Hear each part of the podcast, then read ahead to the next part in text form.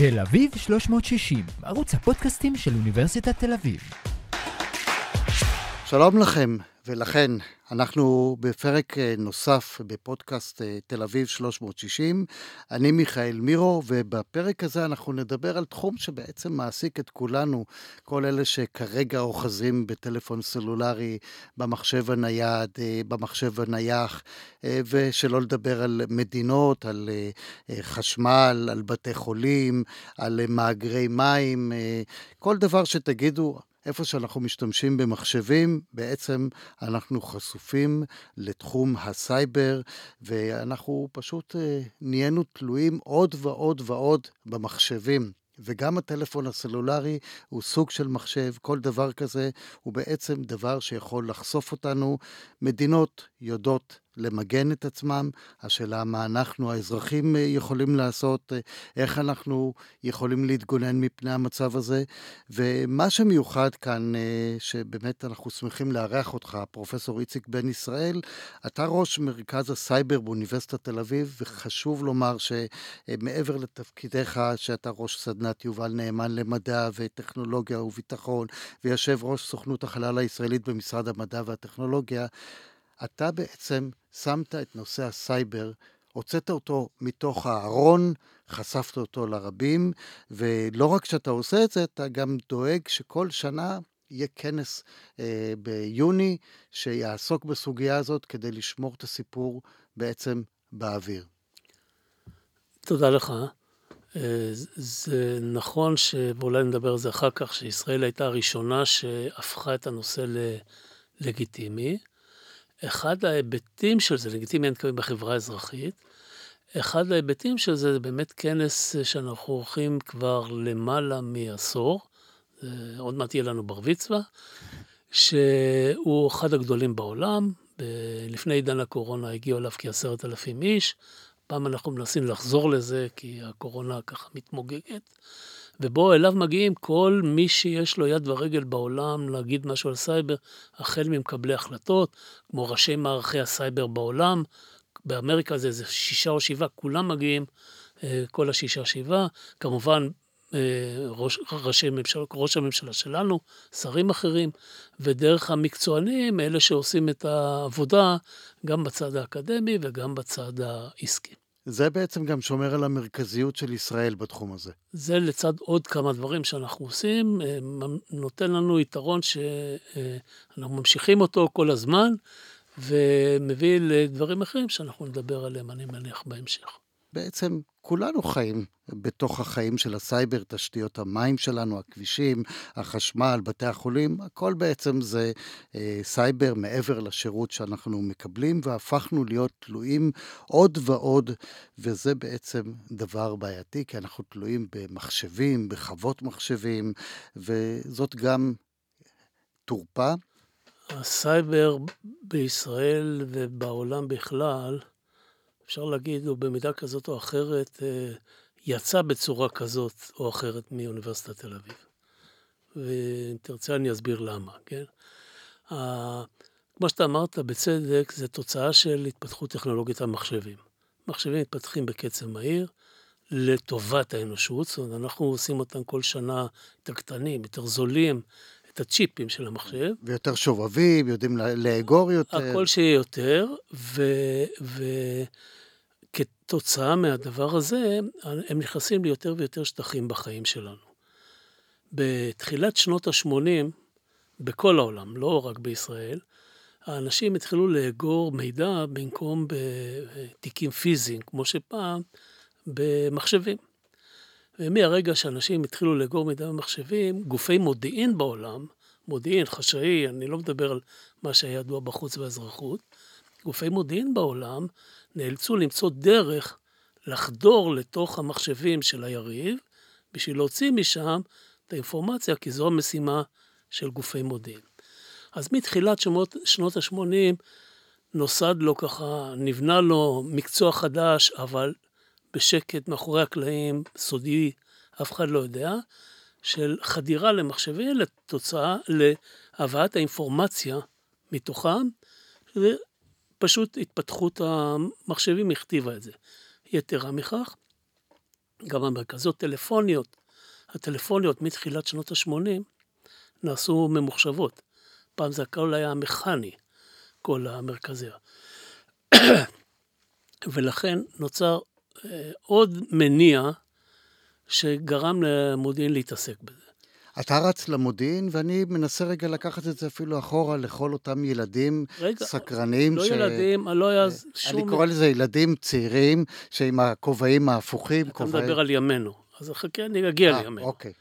אני אומר לך, העולם כולו התחיל להתעסק במודיעין, כולל ישראל, והשינוי המכריע היה רק לפני עשר שנים. לפני עשר שנים. עכשיו, ישראל, כמו שהסברתי, לא המציאה את הסייבר, היא לא המציאה את העניין הזה של חדירה למחשבים וכיוצא בזה, אבל לפני עשר שנים, אנחנו היינו המדינה הראשונה בעולם, שבמובן מסוים יצאה מהארון. זאת אומרת, מה שהוחלט לפני עשר שנים פה, ביוזמה של, שלי כפרופסור באוניברסיטת תל אביב, שראש הממשלה קיבל, מה שהוחלט זה להפוך את הסייבר, להוציא אותו מהארון, להפוך אותו נושא לגיטימי לעיסוק אזרחי בכלל, ולא רק מה שהיה עד אז במודיעין ובצבא ובביטחון. רגע אחד, אתה פה עוררת לי סקרנות רבה. מה עבר לך בראש? מה שעבר לי בראש זה ההבחנה שהתלות של החברה האנושית בכלל, לא רק הצבאית, לא רק המודיעין, כמו שהסברתי קודם, במחשבים הולכת וגדלה. ככל שהתלות הולכת וגדלה, כי האפליקציות של המחשבים, הרי כל אחד מאיתנו מחזיק מחשב בכיס, קורא לו טלפון, נכון. בטעות, כן, אבל... זה מחשב נייד. אנחנו אומרים טלפון חכם.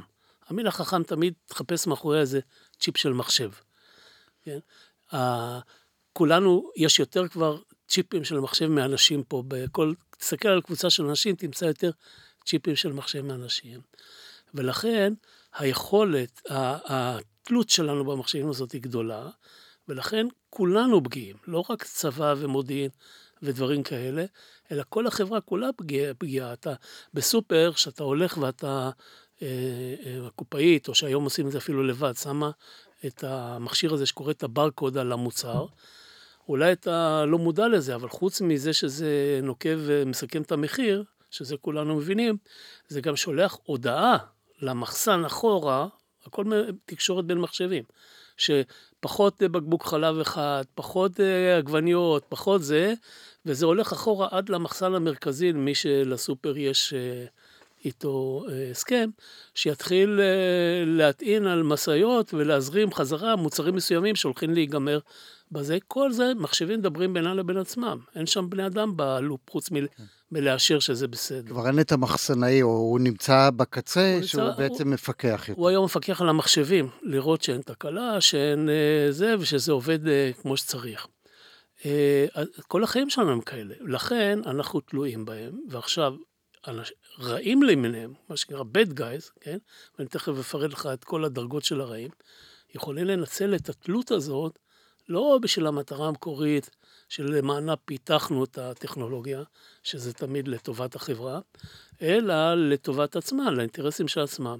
זה מתחיל אולי מפושעים שרוצים להרוויח כסף, זאת אומרת, חודרים לי לחשבון בנק, כדי לגנוב. הסיסמה, גונבים. או נכנסים לי למחשב, וזו הטכניקה של הסייבר, במקום לגנוב את המידע, הם מצפינים אותו. ואז אומרים לי, אם לא תיתן לנו ככה וככה אה, דמי כופר, אנחנו לא נש... ניתן לך את הסיסמה שתאפשר לך להשתמש במחשב שלך. כל הדברים הללו זה למען, פשוט למען גנבת כסף. אז יכול להיות פושעים סתם, מעליהם יש כל מיני קבוצות אידיאולוגיות שמנצלות את זה שקל דרך המחשבים והתקשורת מחשבים והרשתות החברתיות, שכולנו, אתה אמרת בצדק, כבר ילדים בגיל אפס היום אה, אה, מתקשרים ברשתות הללו.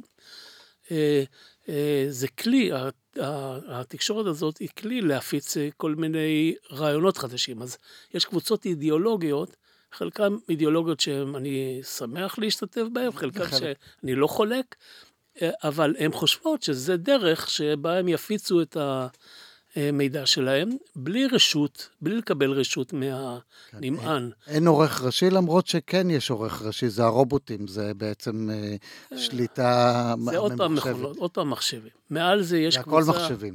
מעל זה יש קבוצה של, תוסיף לקבוצות אידיאולוגיות שגם נוקטות באמצעי אלימות, מה שאנחנו קוראים טרור.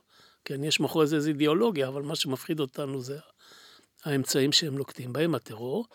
וגם בשבילם זה כלי אדיר. החל מסתם להיכנס לך למחשב ולהפיץ איזה סיסמה למענם, כמו שעושות קבוצות אידיאולוגיות למען מטרות שהן גם טובות, ודרך זה שיכולים לגרום לנזקים.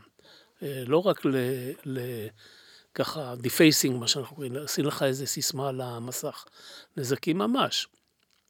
ומעל זה יש מדינות או ארגונים גדולים, וכל מיני כאלה שהם יכולות לעשות הכל, גם מודיעין, וגם אה, להשפיע, אפילו אולי לנצח בבחירות, להשפיע על בחירות, כן. שהמועמד... קיימברידג' אנליטיקה, ראינו. כן, ראה סיפור... אה, הבחירות בארצות הברית. בארצות הברית, שטראמפ זכה בבחירות הראשונות שלו. אה, כל הדברים הללו מתאפשרים בגלל המעורבות האדירה של המחשבים בחיים שלנו, וככל שהיא נעשית יותר גדולה, אז יש יותר מקום להגנה מפניהם, כן, ולכן הגענו למסקנה ב-2010, שהחברה כולה זקוקה לאבטחת סייבר. עד אז במדינת ישראל, כמו בשאר העולם, התעסקו בסייבר בגופי המודיעין והביטחון, שזה כבר אמרתי קודם, ו, ופתאום הבנו שזה כבר, הקצב של ההתפתחות הוא כזה, שזה אבוד, אנחנו חייבים לפתוח את זה, בזה היינו ראשונים. עכשיו, בגלל שהיינו ראשונים, הרבה פעמים בהייטק זה ככה. אתה ראשון, אתה יוצר לך איזה יתרון שכל העולם אחרי זה כולו לא מצליח לסגור אותו, כי עד שהוא מגיע למקום שבו נמצאת קודם, אתה רץ הלאה. אה, ב-2010 אה, מינה אותי ראש הממשלה ל... לראש צוות לאומי. עכשיו, כשאומרים ראש צוות לאומי, אתה חושב, בטח קיבלתי אנשים, תקציב וזה, אפילו דמי חניה לא קיבלנו. זה הכל, אה, אתה קורא לאנשים בטלפון שאתה מכיר. ברוח אומר, ההתנדבות, בוא כן, תעשה לנו התנדבות, טובה, תעזור לנו וכן הלאה. נכון, לטובת... אה, מדינת הקהל, ישראל. לטובת הקהל אני יכול להגיד שלא היה אחד שצלצלנו אליו ואמר לא, אחד לא היה. ועכשיו, אתה רוצה אה, להגיש קפה, עוגה? כל זה עשינו באוניברסיטת תל אביב. זאת אומרת, אתה רוצה שאני יכול לסמל לך את החדרים שבה נבנתה התוכנית הלאומית הראשונה בעולם, להוציא את הסייבר אל המרחב האזרחי. עכשיו, בדרך כלל באוניברסיטה, אנחנו בכלל, בחיים, בכל המדינות המפותחות, אנחנו תמיד חושבים שהרעיונות, והרבה פעמים זה ככה, שהרעיונות המקוריים, הראשונים, הפעם הראשונה צצים במחקר הבסיסי באוניברסיטה, ואחר כך צריך לשבור את הראש איך ליישם את זה. איך מתרגמים אותם ליישומים, או בכלכלה, או בביטחון, או בכל יישום אחר. פה המצב שלנו היה הפוך. היה כבר דיציפלינה די מפותחת בקרב מעט חוג מצומצם של שומרי סוד, ועכשיו צריך להתחיל, 2011 שהגשתי את התוכנית לממשלה, לא הייתה אוניברסיטה אחת בעולם, בעולם, לא בישראל, שבה יכלת ללמוד סייבר, או שהיה לה מרכז מחקר לסייבר. אחת ההמלצות בתוך התוכנית הזאת, שכולה עברה להיות החלטת ממשלה, הייתה להקים באוניברסיטאות בארץ, בכולם, וזה המצב היום, בכולם מרכזי מחקר לסייבר, יש גדולים, כמו באוניברסיטת תל אביב, יש קטנים. שזה קצת מצב, אתה יודע, אה, כי החופש האקדמי הוא הפוך. זאת אומרת, אה, החופש האקדמי שאני הוא זה שמחליט מה אני חוקר, ופה בעצם באה איזו התערבות ממשלתית. אבל ההתערבות הממשלתית רק אה, עודדה לפתוח מרכזי מחקר, היא לא אומרת מה לחקור. כן, זה, בזה זה נשאר אותו דבר. אוקיי, זאת אומרת שלא אומרים לך, עניות דעתי הקובעת. לא, אה, לא, לא, לא. בשום פנים ואופן לא. הממשלה עודדה, ואחד הדברים שנעשו, וגם זה ברוח ההמלצות, היא עודדה בלי לקבוע את התכנים של המחקר. זאת אומרת, התכנים ומה עושים ומה לא חוקרים, תלוי כמו כל דבר אחר הפרופסורים והדוקטורנטים וכל המנגנון הידוע לנו, החופשי של האוניברסיטה. עכשיו, כמו שאמרתי גם בהתחלה, זאת אומרת, אה, זה שהידע האקדמי הוא רחב והידע בתעשייה הוא רחב, זה ברור וידוע. השאלה מה יודעים, מה אני יודע. האזרח הפשוט, זאת אומרת, אני יושב ומדבר בטלפון, האם אני מודע שעוד כל כך הרבה גורמים יכולים להיות בתוך הטלפון שלי, לדעת מה קורה, אה, ועוד דברים כאלה, אתה יודע, אפילו שאתה מעביר כרטיס אשראי, אתה לא יודע מי עוקב אחריך, אה, ויודע מה עשית, מה קנית, ואתה דיברת על אותו מחסנאי אה, שמקבל את ההוראה, אבל אולי זה הולך לעוד של- שליטה בי, אולי אובדן חירות. זה נראה לי די פשוט. אני חושב שגם היום כולם מבינים את זה. אתה צריך להניח שאם אתה מתקשר בתקשורת ממוחשבת, זאת אומרת, כולל מה שאתה עושה בטלפון שלך, שכבר אמרתי לך שזה מחשב, אם אתה מתקשר בתקשורת ממוחשבת, הכל עובר לכל מי שרוצה לדעת. זאת אומרת, מי שרוצה יכול לפרוץ ולראות את זה. זאת אומרת, צריך לצאת מנקודת הנחה, מהרגע שחייק, או אתה יודע מה, כבר מישהו אמר לי אפילו, מהרגע שאני מחזיק את הטלפון הסלולרי, אפילו כבוי, יודעים עליי... אה, אתה חושב שהוא כבוי. אני חושב שהוא כבוי, כי הוא ממשיך לעבוד. אה, צריך לקחת מתוך נקודת הנחה שאם אני רוצה דברים אינטימיים, עדיף לא לעשות את זה בדרך הזאת, כן. ועדיין המפגש פנים אל פנים, בלי תיווך, הוא המפגש הכי אה, נקי. אם אין איזה מעקב לכן, ברחובות. חלק מהתוכנית שלנו היה, נגע לענייני אה, אה, מודעות וחינוך. איך אתה מגיע למצב שאנשים זה? הרי כשאני נולדתי, ואתה, כן, בגילנו לא היה, המחשבים לא היו בתפוצה לא הייתה התלבטות, גם טלפון לא היה. וגם טלפון היית צריך לחכות שנים עד שאתה, נכון. קיבלת, ו- והיום זה אחרת. לכן אנחנו למשל, חלק מהתוכנית, אנחנו המדינה היחידה בעולם, דרך אגב, שבה בבגרות אפשר ללמוד לעשות uh, עד חמש יחידות סייבר. זה אומר שאם הילדים רוצים לעשות בבגרות, הבית ספר צריך ללמד. אז הבית ספר מלמד סייבר. הורדנו את זה בחמש שנים האחרונות לבית ספר עממי. לא מלמדים אותם בבית ספר עממי איך כותבים קודים, איך כותבים תוכנה שפורצת או מגנה, אבל כן מלמדים אותם איך חיים בעולם הזה. זה כמו, כמו תאונות דרכים. כן, זה כישורי חיים, זה כן, חלק כמו מכישורי תאונות דרכים. אתה רישיון נהיגה נותן ל... רק נדמה לי גיל 17 היום, בזמני זה היה נדמה לי 18, אתה נותן רק אה, בגיל 17 רישיון נהיגה, אבל ללמד איך חוצים את הכביש, אתה מלמד כבר בכיתה א', נכון. כן, עם כל המשמרות האלה עם ה, של השלטים בדרכים. אותו דבר אנחנו עושים בסייבר, אתה מלמד תוכנה, ואתה יכול לעשות בגרות בסייבר, ואנחנו מדינה יחידה בעולם, בתיכון, אבל כבר בבית ספר עממי נלמד אותך מה לא כדאי שתעלה לפייסבוק, מה כן כדאי, איזה, איזה השלכות יש לזה, איך חיים, איך חוצים את הכביש בעולם של היום. אתה יודע, אתה מעלה פה סוגיה שלבטח אתם עוסקים, זה העניין המוסרי והאתי. זאת אומרת, יש פה סוגיה מאוד גדולה של חדירה לחיים שלנו, יש את העניין של הראוי לחיים, כי באמת מה שמנית זה הכל סוג של עבריינות. זאת אומרת, אתה לוקח משהו שלא ברשות. גם אם אתה גוף מודיעיני, אתה לא לוקח את זה ברשות. נכון שאתה חושב שאתה מגן על עצמך, אבל זה לא ברשות. זה, זה משהו שהוא, אם נגדיר אותו כמוסרי, לא מוסרי, זה לא שם. אתה צודק במאה אחוז. אה, כש, כשאתה מתעסק במודיעין, אז uh, הסיפור הוא אחר, כי אתה עושה את זה לא לאזרחים שלך, אלא לאויבים שלך, כן? כן. ואז זה uh, מוצדק. או למי שהגדרתי כאויב, זה גם יכול להיות. לא, אני לא רוצה להיכנס... לא, לא, בלי להיכנס. אבל, אבל אתה עושה את זה לאויבים שלך, ואז זה מוצדק. כשאתה מתעסק ב, בחברה האזרחית, כמובן זה מאוד בעייתי. זה יתרה מכך, כן? אתה אמרת מקודם שאנחנו נקראים המרכז המחקר האינטרדיציפלינרי לסייבר של אוניברסיטת תל אביב. דרך אגב, צריך להזכיר גם את שמו של בלווטניק, שעל שמו קרוי המרכז, כי מישהו צריך לשלם בשביל כל התענוג הזה. ברור.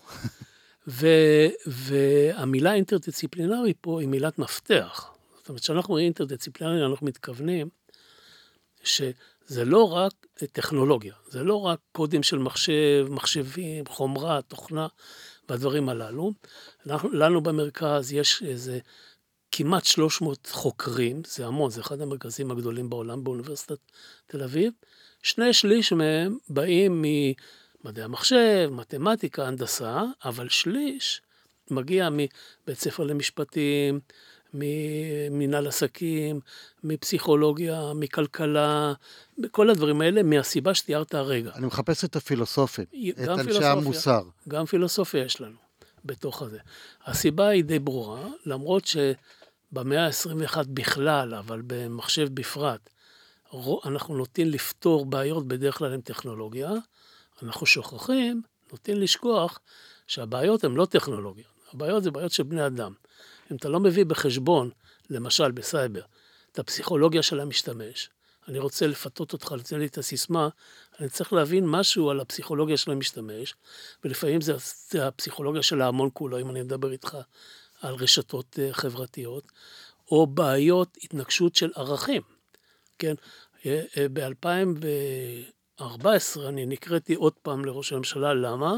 התפוצצה לה בארצות הברית פרשת סנודן, שבה התברר שיש איזה קונפליקט בין הביטחון, ה-NSA, הגוף האחראי בארצות הברית על הגנת הביטחון הלאומי מפני תקיפות סייבר, חדר לאיך איך אתה, תפקידו היה לנקות את הרשתות תקשורת מווירוסים, כן? איך אתה עושה את זה? אתה, אתה, הם היו לוקחים את, הוויר, את, הקוד, את הביטים שרצים ברשת, יורדים לרמת התוכן ומסתכלים אם יש שם וירוס או לא. דבר פשוט כאילו. אם יש שם וירוס, צריך לעשות משהו. אם אין שם וירוס, בוא נתעלם מזה. אבל בזה הם בעצם חדרו לפרטיות. כן, והמידע נשמר. והפעם לפרטיות של האזרחים של ארה"ב, זאת אומרת של עצמם. זה לא איזה אויב שאתה אומר, לחדול על הפרטיות, מילא, הוא רוצה לפגוע בנו. פה מדובר על אזרחיך. ואז מתברר שיש קונפליקט בין פרטיות ובין ביטחון. איך אתה פותר את זה? אנחנו, דרך אגב, אה, מאותה הסיבה, זאת הייתה המלצה של הוועדה השנייה שעמדתי בראשה, המלצנו, א', לקחת את המשימה הזאת מידי השב"כ, כי עד אז היא הייתה בידי השב"כ. כי אם אתה רוצה להגן על האזרחים שלך ולזכות לשיתוף פעולה מצידם, עדיף שזה לא יהיה נתון בידי איזה גוף מודיעיני שהוא לא שקוף לציבור. צריך להקים משהו אזרחי אה, ברור. שנית, לא להטיל את המשימה של מציאת הרעים, הטרוריסטים, אלה ששולחים את זה, לא להטיל את זה על הגוף הזה. כי אפילו אם תהיה מלאך, אם המשימה שלך זה לתפוס אותם, לא תעמוד בפיתוי. המטרה מקדשת כן, אמצעים. לא תעמוד בפיתוי והם... ולראות מה, איפה הם נפגשים, מתי הם נפגשים. המשימה שלך היא רק לנקות את הרשת, כן? כמו רופא. רופא, כשאתה בא, יש לפעמים מחלות שאתה מתבייש לספר עליהן. לרופא, לציבור, אבל לרופא אתה הולך, אתה יודע שא' הוא לא יספר לציבור, וב' תפקידו לא להטיף לך מוסר, תפקידו לנקות אותך מהמחלה נכון. הזאת. אותו דבר, כן, זה גם וירוסים, רק ביולוגיים ולא... אגב, הם עובדים אה, בדרכים די דומות, כי האדם אה, מתחכה אחר הווירוסים הטבעיים ועובד די אה, בשיטה דומה. ובאמת העניין הזה של מול הסייבר, צריך לקחת בחשבון שזה דבר שיש מאחוריו הרבה כסף. ואנשים מרוויחים הון עתק. זאת אומרת, אם אנחנו מדברים על רווחים, זה רווחים אדירים, ואיך אתה מצליח להתגבר על התאווה תאוות הבצע אל מול הטוב לעשות לאנשים. לא, אין, אין מה זה נקרא, תאוות הבצע... ש, של זה, אותם הייטקיסטים, של אה, משקיעים וכל לא. הדברים. תאוות הבצע היא לא שייכת לסייבר, היא שייכת לטבע האדם. אני אמרתי לך לפני רגע. אני, אני, לכן אני מנסה לראות איך מגינים עלינו בנקודה הזאת. זה נורא פשוט, הדברים האלה, יש להם כללים ויש להם זה, וצריך לעמוד בכללים. כמו כל דבר, כן, עשרת הדיברות לא הומצאו באוניברסיטת תל אביב, עם כל הכבוד לאוניברסיטה, והדברים הללו הם עתיקי יומין. אני אמרתי, אנחנו נוטים להתעלם מהם לפעמים, אבל ככל שהזמן עובר, אנחנו מבינים שזה בעיה. צריך לטפל בה בכלים שהאנושות המציאה לטפל החל מחקיקה, של בעיות חוק. יש דברים שמותר, יש דברים שאסור, לא כל דבר מותר. הטכנולוגיה הזאת בסופו של דבר מועילה לאנושות. כן, אתה צריך, כמו כל דבר, זה כמו אוטו. הכניסו רכבים רק לפני איזה 100 שנה, רכבים פרטיים, אני מתכוון, לפני איזה 100 שנה בניו יורק. עד שהתברר שהם מתחילים לזהם, אז... אה, לא, עזוב את הזיהום. קודם כל הם הורגים בני אדם ב...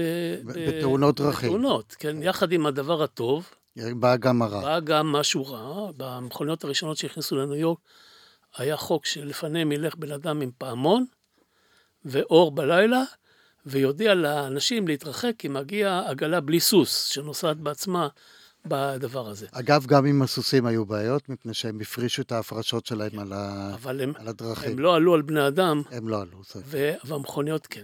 אז כל דבר בטכנולוגיה המודרנית יש לו את הזה. אתה צריך לטפל בצדדים הללו.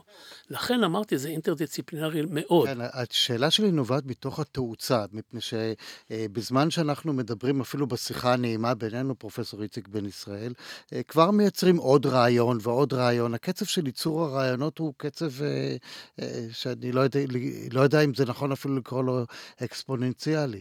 נכון, אי אפשר לעמוד בקצב הזה. נכון. ומה? זה מעלה חששות, אה, איך אנחנו נדע להתמודד? אתה צריך להתמודד. זה הפוך. בגלל שכל רגע, כל אחד בעולם יכול, אני לא יכול להגיד לך, בטכנולוגיה, הרי כל הזמן האנושות ממציאה רעיונות, נכון? בכל טכנולוגיה.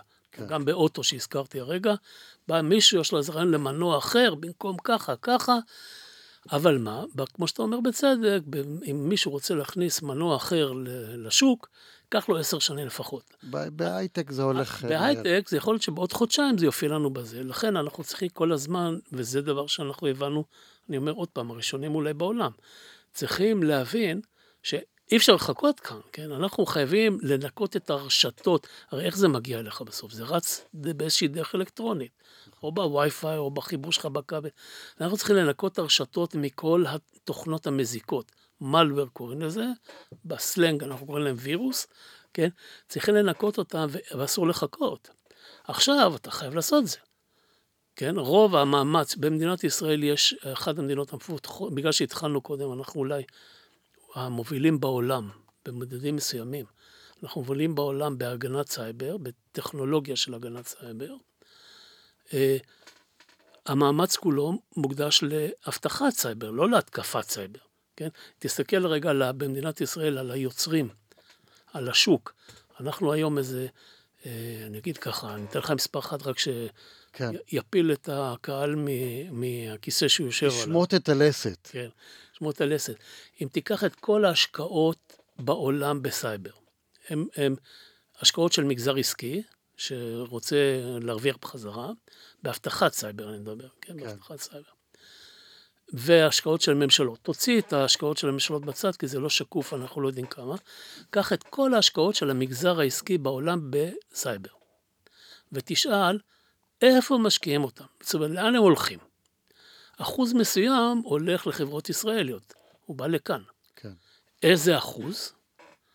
זאת אומרת, אני מבקש ממך לנחש, אני לא מבקש ממך, כי אתה לא תקלע למטרה אם אתה לא יודע. בשנת 2021, זו השנה האחרונה שיש לנו נתונים, אחוז ההשקעות העולמיות, הסך הכל העולמי, מה שמשקיעים בסין ובאמריקה ובערב הסעודית ולא יודע איפה, שהגיע לישראל, זה בערך 44 אחוז. דהיינו, כמעט 50 אחוז מההשקעות של כל העולם הגיעו לישראל. אנחנו מקבלים יותר דולרים, השקעות מגזר עסקי לסייבר, מארצות הברית. כן? אני לא, לא פר קפיטה. ואנחנו מדברים על החלק של הגנה. זאת כן. אומרת, של לא, מערכות הגנה. הגנה. מה שהשוק, השוק הוא, הוא הגנה, אה, התקפה זה עדיין נשלט בידי ממשלות, בידי ארגוני מודיעין, זה כבר, זה כמו נשק, כן. כן? אה, זה סוג של וכל מיני אה, אה, עבריינים ש... עבריינים שנמצאים בכל. מיני מקומות ומחפשים את הדרך אה, להציג. נכון, והם מציקים, רק שעבריינים. בצבאות ובזה, עבריינים בדרך כלל מכוונים את, ה... את, ה... את המעשים שלהם נגד מדינות, פה זה נגד האזרחים. אזרח תמים שעושה את העבודה הסמינריונית, או, ממש כך, או את כן. החשבונות בית, ופתאום בום, כך. נופל עליו בלוק. לכן אנחנו שמים דגש גדול מאוד על האינטרדיציפלינריות במכון. אנחנו דרך אגב במרכז, אנחנו, אה, אמרתי כבר שאנחנו המרכז הכי גדול בארץ, אנחנו גם אבל היחידים שהם לגמרי אינטרדיציפלינריים. זאת אומרת, יש לנו את כל, אנחנו מנצלים את היתרון שיש באוניברסיטת תל אביב, שיש אה, מולטי- חוקרים, מגוון חוקרים, ו- מגוון, ממשפטים, מכלכלה, מ... אמרתי לך, גם מפילוסופיה. שזה מטריד אותי, אה, העולה, המוסריות, ההגינות כלפי האזרחים, ובאמת, אה, אה, בוא, בוא ניקח את האזרח הרגיל. אה, הוא מרגיש שיש משטרה שעוזרת לו, שלא יתקפו אותו, וכבר נהיו נורמות שאסור ללכת ברחוב ולתת צ'פחה ולהרביץ למישהו אה, וכל מיני דברים. יש איזו התנהגות נורמטיבית, מה שברשת, מאחר והכל אה, חדש יחסית וגם אנונימי, כי אני לא תמיד יודע מי, מי מדבר איתי, שם מחטיפים בלי חשבון. והשאלה, איפה, מה, מה אתה יכול היום כפרופסור או עומד בראש מרכז הסייבר לומר לאזרחים, מה צפוי להם? אז אה, קודם כל הבעיה היא מוכרת היטב, אמרתי. אה, זה עדיין אה, בלתי חוקי באותה מידה. הבעיה היא שברשתות האלה יש איזה סוג של אנונימיות. זאת אומרת, למה אנשים מרשים לעצמם לעשות את זה ולא עושים את זה פנים אל פנים? כי אם הוא מתייצב אצלי בדלת, מצלצל, ועכשיו אני פותח, מתחיל לקלל אותי ולהשמיץ אותי וזה. אני יכול להתקשר למשטרה. אז אני ו... מתקשר למשטרה, יש אלף ואחת דרכים לטפל בזה, אבל אם אני מקבל איזה, מפיצים עליי ברשת איזה שמועה, מה אני עושה? יש, האנונימיות הזאת משחקת לזה. אז, אז אם אני חוזר איתך למחקר, כן? אז קודם כל, האנונימיות הזאת היא, היא נקראת בסייבר, היא בעיה ידועה, היא נקראת בעיית הייחוס. זאת אומרת, מישהו מתקיף אותך, למי לייחס את ההתקפה? כן. אני, אני רוצה מישהו, כתובת, שאני אגיד לו, הוא זה שהתקיף. ו... אז אומרים לי, יש IP, בסדר. ה-IP זה לא מספיק. זה לא מספיק. יש המון דרכים לה, גם להסתתר, את זה לעקוף. להסתתר מאחורי ה-IP שהוא לא שלך. ולכן, אה, קודם כל, דרך אחת, ויש חוקרים באוניברסיטת תל אביב שעובדים על זה, בואו ננסה לפתור את בעיית הייחוס. זאת אומרת, למרות שאני מקבל עכשיו איזה, הרי אתה יודע שכל הודעה שאתה מקבל באינטרנט היא מפקטות, מה שאומרים, מחבילות קטנות. כן. היא מפורקת לחבילות קטנות והיא באה מהמון מקומות. בואו ננסה מה, מהפרשי הזמנים שמגיעים מכל החבילות שמגיעות אליי בשביל להרכיב את ההודעה השלמה, בואו ננסה מזה ללכת אחורה ולגלות מאיזה מקום זה נשלח. זה כבר... אה, אה, נקודה אחת של נקודה. התקדמות. אז בעיית הייחוס היא בעיה מחקרית שתעזור לנו מאוד. אחר כך יש אה, כל מיני טכניקות שבה אתה מגלה את זה בדרך, אם אתה מגלה בדרך אתה יכול לעקוב אחרי המסלול, כן? אה, בדיוק כמו שאנחנו אה, מקבלים את זה בסוף, אני יכול את חלקם, וכמה שאני הולך יותר רחוק, הדבר הזה יותר טוב. ואלה דברים שהם בינתיים במחקר. כל אלה במחקר, כן. זאת אומרת שהיום אם אני אפנה למוקד 100 ואני אבקש שתעקבו לי, אז אה, אולי במקרה הטוב הוא יצחק. כן, היום, היום... אני לא מוגן. יכולות כאלה נמצאות, הייתי אומר, כמעט רק בידי ממשלות, ללכת אחורה, כי תחשוב רגע, שאתה רוצה להגן על עצמך ואתה הולך אחורה. בשלב מסוים, הליכה אחורה היא חדירה למחשבים של מישהו אחר, שאסור לך, נכון. כן, הם לא שלך. כן, הגוף היחידי שיכול לעשות את זה, זה גוף ממשלתי, אם יש חוק מתאים. אבל... אם הייתה משטרת סייבר, כן, למשל, אבל, אה, לכאורה יש, אבל... אבל לך עוד אחורה, זה בכלל יכול להיות שזה יגיע מדרום אמריקה, כן, הדבר הזה. עכשיו מה, אני אחדור למחשבים בדרום אמריקה בשביל ללכת אחורה למצוא את ה... אה, זה כבר בעיה בין מדינות, זה כבר לא בעיה בין... אה, בהגנה שלי על עצמי. אז חייבים גם ליצור פה נורמות בינלאומיות של שיתוף פעולה. בעיה דומה בעיה דומה יכולה להתעורר גם, אתה יודע, במה ש... ב trafficking של אנשים וכל הדברים מהסוג הזה. אם בלי שיתוף פעולה ונורמות בינלאומיות, אה, אנחנו נהיה תקועים, זה לא מיוחד רק לסייבר. כן. זה, זה, זאת סוגיה שבאמת בעולם המודרני, או הפוסט-מודרני, איך שנקרא לו, אה, צריך לקחת בחשבון, כי אנחנו מפתחים דברים לטובתנו. באמת, אה, הטלפון הסלולרי עשה פלאות, וגם עצם העובדה שהזכרת בבתי חולים, אפשר להעביר מידע תוך שנייה מבית חולים בישראל לבית חולים בארצות הברית, לקבל חוות דעת מהירות, אבל המידע הזה בסופו של דבר מידע חשוף. אז בוא נאמר, כשמה שאתה אומר, אם זה נוגע למדינה, המדינות יודעות אה, להתגונן, הן יודעות להגן על מערכות הרמזורים, על מערכות המים, אבל עלינו, על האזרחים, יש בעיה. לא, הבעיה היא גם על מערכות המים והרמזורים, זאת הבעיה בדיוק. כן? המדינות בכלל, אמרנו מקודם, שרעיון חדש של אה, חדירה לתוך מערכות המחשבים יכול לצוץ בראשו של מישהו מחר, אפילו הרגע. ולהיות מיושם לא כמו ברכב ודברים כאלה, יכול להיות מיושם תוך חודש, חודשיים, נגיד שנה. לכל היותר.